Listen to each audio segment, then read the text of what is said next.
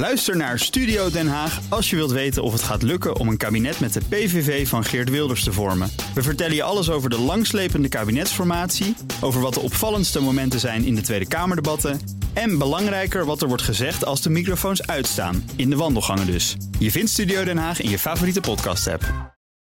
De column van Bernard Hammelburg. T-Mobile is in de Verenigde Staten al overgestapt op 5G en is er ook in Nederland mee bezig. Ze kunnen dat kennelijk zonder de technologie van het Chinese Huawei. En als dat zo is, waarover maken de Amerikanen zich dan zo druk met hun anti-Huawei-campagne? Simpel gezegd, je hebt mobiele telefonie en je hebt professionele netwerken die chirurgen bijvoorbeeld gebruiken voor het uitvoeren van operaties op afstand. Om mobiele telefonie van 4G naar 5G om te zetten is niet zo moeilijk. T-Mobile en andere providers zijn er een eind mee, maar, zeggen deskundigen, dat is eigenlijk een beetje nep. Het is een soort 5G light.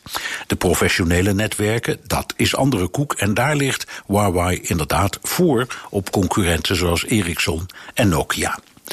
Dat de Britten toch met Huawei in zee willen, heeft geleid tot dreigementen met hel en verdoemenis van de regering Trump. Zijn ministers Pompeo van Buitenlandse Zaken en Esper van Defensie herhaalden hun waarschuwingen deze week nog eens. Is dat nou een typisch Trump-ding. Nee, want hij kreeg bijval uit heel onverwachte hoek. En wel van zijn grootste binnenlandse vijand, Nancy Pelosi. De boodschap van de democratische leider was duidelijk. Als wij de verkiezingen mochten winnen, denk dan niet dat wij op dit punt een ander beleid gaan voeren.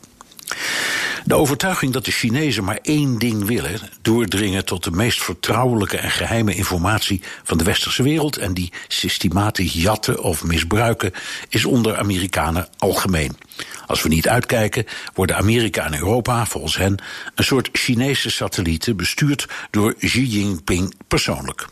De Chinezen zeggen dat we spoken zien. En er zijn andere problemen, zoals het Amerikaanse bedrijfsleven.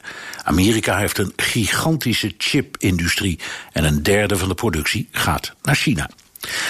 Het grootste raadsel is en blijft die voorsprong van Huawei.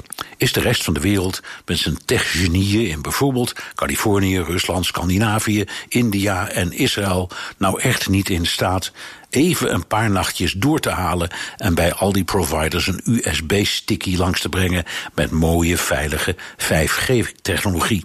Of blijven we op onze rug liggen met de pootjes omhoog en alleen maar mopperen hoe briljant en gemeen die Chinezen zijn? Columnist Bernard Hammelburg. Terugluisteren? Ga naar bnr.nl of de BNR-app.